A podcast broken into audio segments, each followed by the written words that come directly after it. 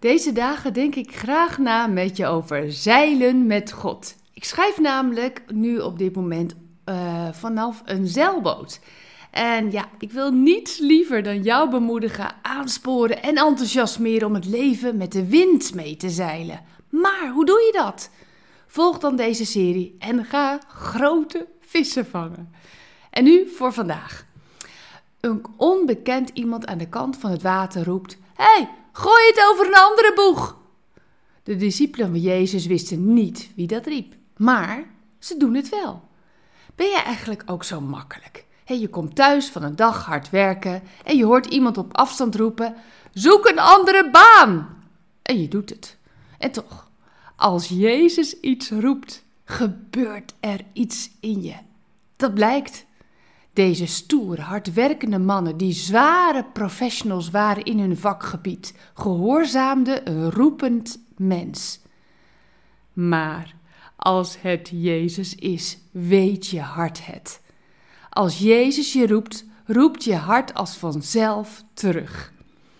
En als ik vandaag tegen jou zeg: gooi het over een andere boeg, wat doe je dan? Nou ja, waarschijnlijk haal je je schouders op en krabbel je even achter je oren, zoiets. Maar ja, wat nou als God tegen jou zegt: hey, pst, gooi het over een andere boeg?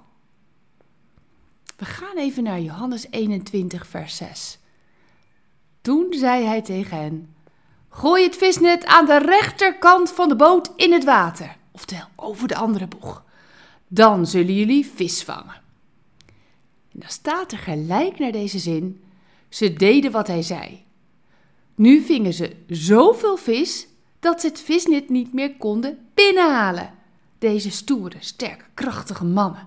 Jaar in jaar uit hadden ze gevist te doen wat ze horen wat Jezus zegt. En zelfs deze stoere mannen konden het niet binnenhalen. Het was te veel. Dit verhaal ken je. Maar wat nou als je vandaag de moed oppakt om naar je eigen leven te kijken?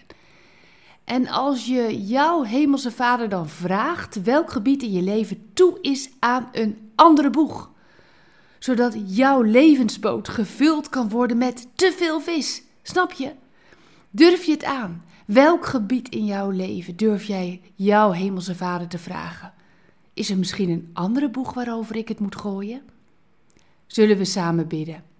Heer, u hebt mijn geluk voor ogen. Dat zegt u zo mooi in Jeremia 29, vers 11. U wilt dat ik gelukkig ben, maar waar moet ik zaken in mijn leven over een andere boeg gooien? Wilt u vandaag tot mijn hart spreken en mij helpen om momenten van stilte te zoeken, zodat ik uw stem kan herkennen en weet dat u het bent die roept? Amen. Bedankt voor het luisteren naar Ik Wonder Jou. Hebben de woorden je hart geraakt en de teksten je geïnspireerd? Gun ook anderen Ik Wonder Jou. Meld ze aan bij www.ikwonderjou.nl. Ik ben zo blij dat je bestaat.